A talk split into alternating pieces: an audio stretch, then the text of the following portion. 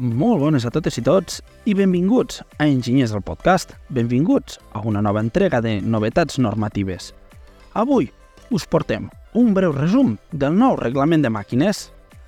En data 29 de juny de 2023 es publicà al Diari Oficial de la Unió Europea el reglament UE 2023 barra 1230 de màquines que deroga la directiva 2006 barra 42 barra CE i la directiva 73 barra 361 barra CE. Aquest reglament estableix els requisits de salut i seguretat per al disseny i la fabricació de màquines, productes relacionats i quasi màquines, a fi de permetre'n la comercialització o posada en servei, garantint alhora un elevat nivell de protecció de la salut i la seguretat de les persones, en particular dels consumidors i els usuaris professionals, així com, quan es caigui, dels animals domèstics i els béns, i si s'escau del medi ambient. També estableix normes sobre la lliure circulació a la Unió dels productes inclosos a l'àmbit d'aplicació d'aquest reglament. Repassem aquest àmbit d'aplicació. Aquest reglament s'aplica a les màquines i als productes relacionats següents. A. Equips intercanviables. B. Els components de seguretat. C. Els accessoris d'elevació. D. Les cadenes. Cables i cingle. E. Els dispositius amovibles de transmissió mecànica. Aquest reglament també s'aplica a les quasi màquines. Al punt 17 s'indica que aquest reglament també s'aplica a vehicles, incloses les bicicletes elèctriques i els patinets elèctrics, i altres dispositius de mobilitat personal que no estiguin subjectes a l'homologació de tipus Unió Europea. Objectius principals. Garantir un nivell elevat de seguretat per als treballadors i els ciutadans de la Unió Europea.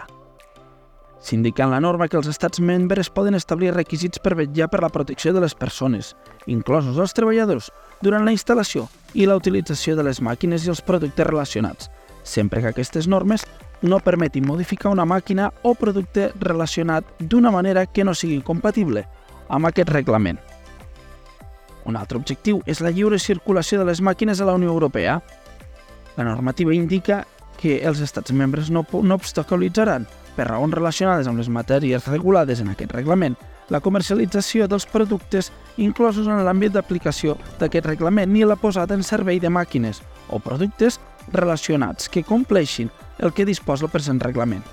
Per altra banda, els estats membres no impediran que en fires comercials, exposicions, demostracions o esdeveniments similars s'exposin productors inclosos en l'àmbit d'aplicació del present reglament i que no siguin conformes amb les seves disposicions, sempre que s'indiqui amb claretat, mitjançant un rètol visible, que aquests productes no compleixen el que disposa aquest reglament i que no es comercialitzaran fins a la seva posada en conformitat.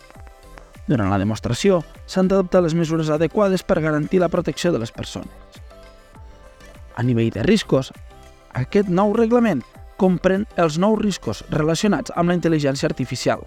En concret, en l'annex primer, part A.6, indica que les màquines que incorporin sistemes amb un comportament totalment o parcialment autoevolutiu que utilitzin enfocaments d'aprenentatge automàtic que garanteixin funcions de seguretat que no s'hagin introduït de forma independent al mercat únicament pel que fa als sistemes esmentats.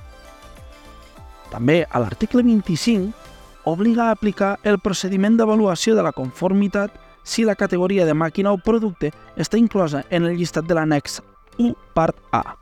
En el punt 40, les instruccions i la resta de documentació pertinent indica que es poden proporcionar en format digital imprimible.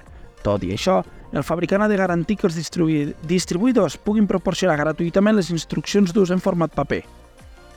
Tot el que hem explicat i el que conté aquest nou reglament serà aplicable íntegrament a partir del 14 de gener de 2027, excepte en alguns articles, definits en l'article 54, que seran aplicables ja des de juliol del 2023, finals del 2023 i durant l'any 2024.